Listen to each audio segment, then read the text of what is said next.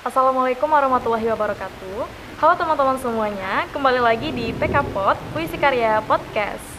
Kenalin aku Shinta Kusri, bisa dipanggil Shinta, dari jurusan Fisika Angkatan 18 yang sekarang merupakan staf ahli Kementerian Komunikasi dan Informasi BMKM UNAN Kabinet Puisi Karya. Nah, di podcast perdana ini, kita kedatangan tamu dari salah satu Menteri BMKM UNAN Kabinet Puisi Karya. Pasti pada penasaran kan, Menteri mana nih gitu.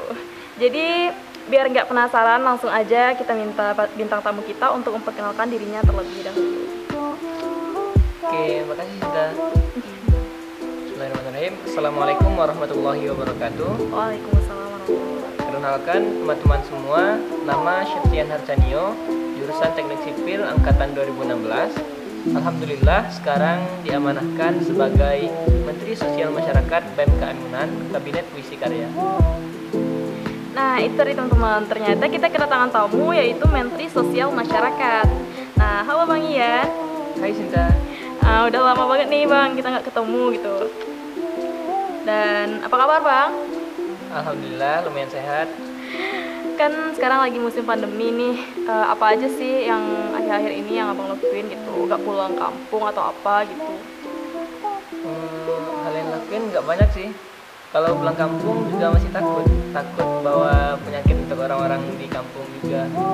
Kalau untuk kegiatan selama pandemi ini, eh, mungkin kuliah online dan ikut aksi sosial eh, bersama lembaga-lembaga sosial yang ada. Itu mungkin. Wah, bagus. Mantap sekali ya teman-teman. Eh, tadi seperti yang abang bilang eh, kegiatan-kegiatan sosial ya. Nah kebetulan kan abang sebagai Menteri Sosial Masyarakat nih, apa aja sih bang selama pandemi ini yang bisa dilakukan sama Sosmas gitu untuk membantu melawan pandemi ini? Gitu? Oke, kalau dari Sosma sendiri ada beberapa kegiatan sih. Salah satu yang pertama eh, open donasi untuk membantu masyarakat yang membutuhkan dan penyediaan APD untuk tenaga medis. Nah, open donasi ini telah dibuka mulai tanggal 25 Maret kemarin sampai tanggal 8 April. Selanjutnya, hasil dari open donasi ini akan disalurkan melalui ACT nantinya. Selanjutnya ada juga kegiatan-kegiatan sosial. Nah, kegiatan sosial yang dilakukan eh, ini eh, bekerja sama dengan ACT. Jadi kegiatannya itu adalah kegiatan bagi-bagi nasi bungkus untuk masyarakat yang membutuhkan dan juga untuk tenaga medis. Rincian kegiatannya sendiri itu sudah mulai tanggal 7 April kemarin. Yang pertama itu pembagian nasi ke RSUD Dr. Rasidin. Eh, 8 April ada pembagian kurma, 9 April dan 10 April ada pembagian nasi kepada masyarakat yang membutuhkan juga. Dan selanjutnya akan eh, disusul oleh kegiatan-kegiatan sosial lainnya masih bersama dengan ACT. Itu mungkin Sinta. Wah, banyak sekali ya kegiatan dari Sosmas ini. Walaupun sedang pandemi nih, tapi nggak men- mengurangi semangat Sosmas untuk buat kebaikan dan semangat pergerakan dan perjuangan itu masih tetap ada gitu. Nah, sekarang aku mau nanya nih bang, Eh, kan abang salah satu presidium di BMKM Unan ya. Eh, seperti yang kita tahu kan fungsi BEM itu salah eh, ada tiga gitu pelayanan, pergerakan dan pengabdian masyarakat. Nah selama COVID-19 ini berlangsung, BEM udah ngapain aja sih gitu? Biar teman-teman tahu juga walaupun sedang dilanda virus, tapi semangat kita tuh masih tetap ada sebagai mahasiswa dalam bidang pergerakan dan perjuangan. Oke. Tadi juga sudah disampaikan ya, kalau dari Kementerian Sosial Masyarakat, yang salah satu kementerian yang ada di bidang pelayanan dan pengabdian, itu ada kegiatan-kegiatan sosialnya dan juga open donasi. Nah, di bidang pelayanan pengabdian yang lainnya juga ada sudah dilaksanakan kemarin itu audiensi dengan pihak WR3 dan bagian kemahasiswaan. Nah, nah beberapa hasilnya yaitu eh, yang pertama menetapkan terkait protokol keberangkatan dan kedatangan mahasiswa-mahasiswi ke kampung halamannya nah, selama pencegahan wabah COVID-19 ini atau COVID-19. Nah, yang kedua, membuat gerakan bersama terkait aksi solidaritas jangka panjang terhadap mahasiswa-mahasiswi yang masih berada di Padang.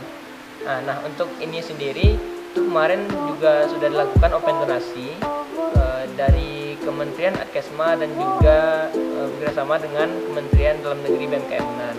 Nah, seperti mungkin bisa eh, teman-teman lihat juga nantinya di Instagram BMKM Unan untuk lebih lanjutnya.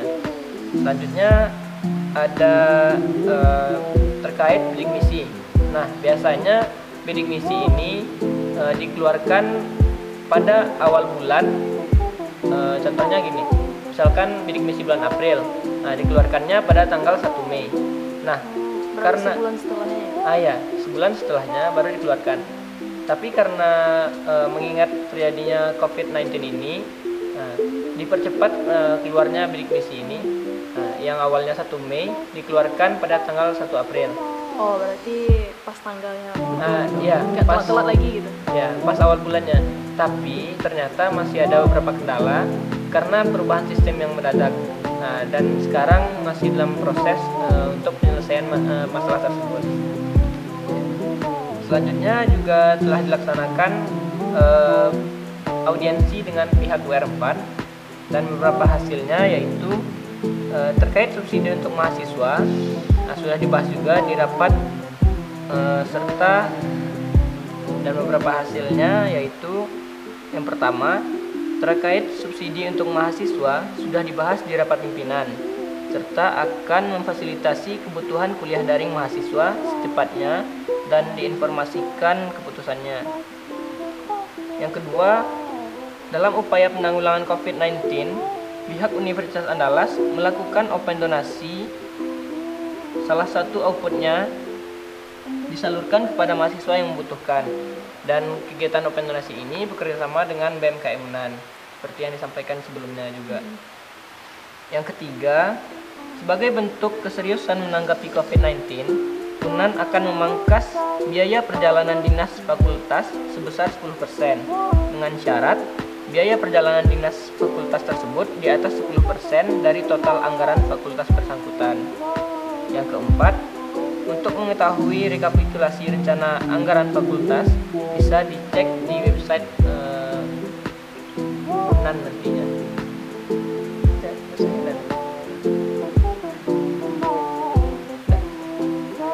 Oh berarti udah banyak ya yang dilakukan sama BEM gitu untuk membantu kita dalam menghadapi pandemi ini dan juga dari pihak universitas juga udah banyak membantu kita eh, sebagai mahasiswa.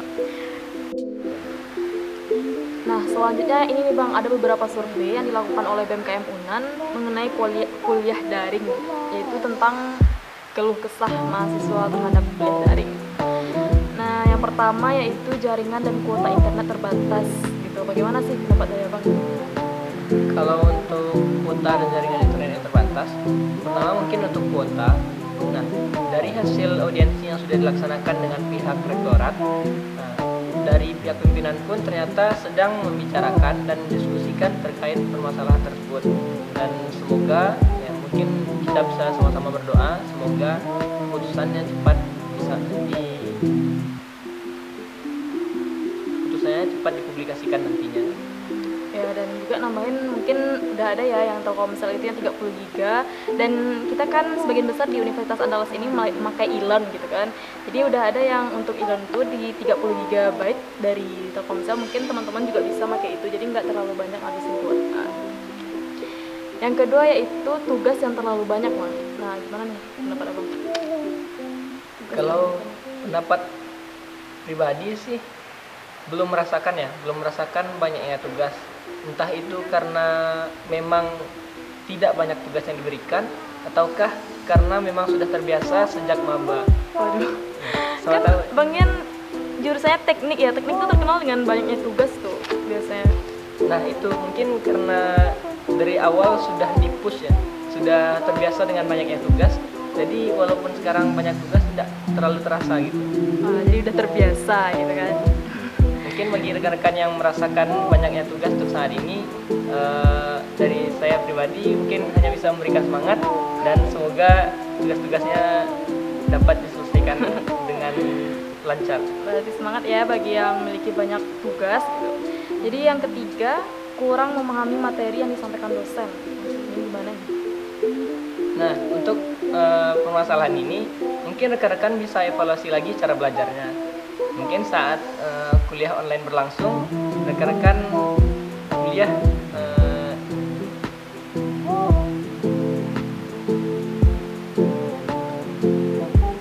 ah ya, etika dalam kuliahnya tidak dijaga. Mungkin eh, rekan-rekan lebih memperbaiki etikanya lagi yang biasanya rebahan saat kuliah online mungkin bisa kuliah seperti dalam kelas seperti biasanya kuliah sambil duduk eh, dan memperhatikan benar-benar memperhatikan saat dosen menerangkan nah jika masih tidak mengerti lagi eh, mungkin dari rekan-rekan bisa bertanya kepada kawan-kawannya masing-masing yang lebih paham dengan materi tersebut yang keempat itu seminar dan penelitian mahasiswa tertunda. Oke, Untuk ini dari surat keputusan yang dikeluarkan rektor pun sudah disampaikan bahwa untuk kegiatan-kegiatan yang berhubungan dengan tugas akhir dan seminar mahasiswa itu diizinkan dalam bentuk online. Bahkan dari beberapa fakultas pun sudah ada sarjananya jalur online. Ya, sarjana online ya. Iya, sarjana online. Nah, kalau kesah yang kelima yaitu HP rusak, tidak punya laptop dan lingkungan konok kondusif. Nah, gimana nih bang? Nah, kalau untuk ini mungkin eh, dikembalikan kepada kawan-kawan mahasiswa. Mungkin bisa nantinya meminjam terlebih dahulu HP atau laptop dari saudaranya atau tetangganya atau siapa pun eh, yang kawan-kawan kenal. Mungkin eh, itulah gunanya kita hidup bertetangga, hidup bersaudara. Gitu. Nah, jadi itu ya teman-teman semuanya dari keluh kesah yang dirasakan para mahasiswa, kita mencoba untuk menerima dan berusaha bersama-sama untuk melawan pandemi ini agar kita bisa kembali seperti semula gitu. Jadi nggak susah-susah lagi kuliah online dan kita terima apa itu kekurangan dan kelebihan dari sistem kuliah online ini gitu. Nah, terakhir nih Bang, sebelum kita akhiri obrolan kita pada sore hari ini, mungkin Abang bisa kasih nih tips-tips dalam mengisi waktu luang, jadi waktu kita nggak akan terbuang sia-sia dan menjadi lebih bermanfaat. Ada nggak Bang? Kalau untuk tips sih nggak banyak. Eh, yang pertama mungkin rekan-rekan bisa memanfaatkan waktunya untuk melaksanakan hobinya. Bagi yang hobi rebahan bisa melaksanakan Perubahan ya. kegiatan Oh, rebahannya. Nah selanjutnya ada ya itu mungkin intermezzo aja ya. Tapi kalau mau melaksanakan juga apa sih. Yang penting kuliahnya tetap jalan. Beberapa kegiatan yang mungkin rekan-rekan bisa lakukan eh, saat pandemi ini, saat di karantina, Nah, itu ada mungkin baca baca buku, baca Al-Qur'an, menambah hafalan Qur'annya, diskusi-diskusi online, bedah buku dan semacamnya. Dan mungkin bisa juga eh, mengikuti sekarang banyak juga kegiatan atau lomba-lomba yang bersifat online. Nah, mungkin rekan-rekan bisa mengikuti lomba-lomba online tersebut. Nah, dan juga bagi aktivis nih, biasanya eh, yang biasanya banyak kegiatan dan mungkin bosan untuk di rumah aja, nah, mungkin bisa melakukan beberapa kegiatan sosial yang tidak eh, apa ya, yang tidak melanggar eh, himbauan dari pemerintah juga. Artinya tidak eh, berkumpul gitu tidak mengadakan kegiatan berkumpul. Contohnya seperti tadi ada kegiatan kalau dari sosma sendiri ada kegiatan bagi-bagi nasi, mana itu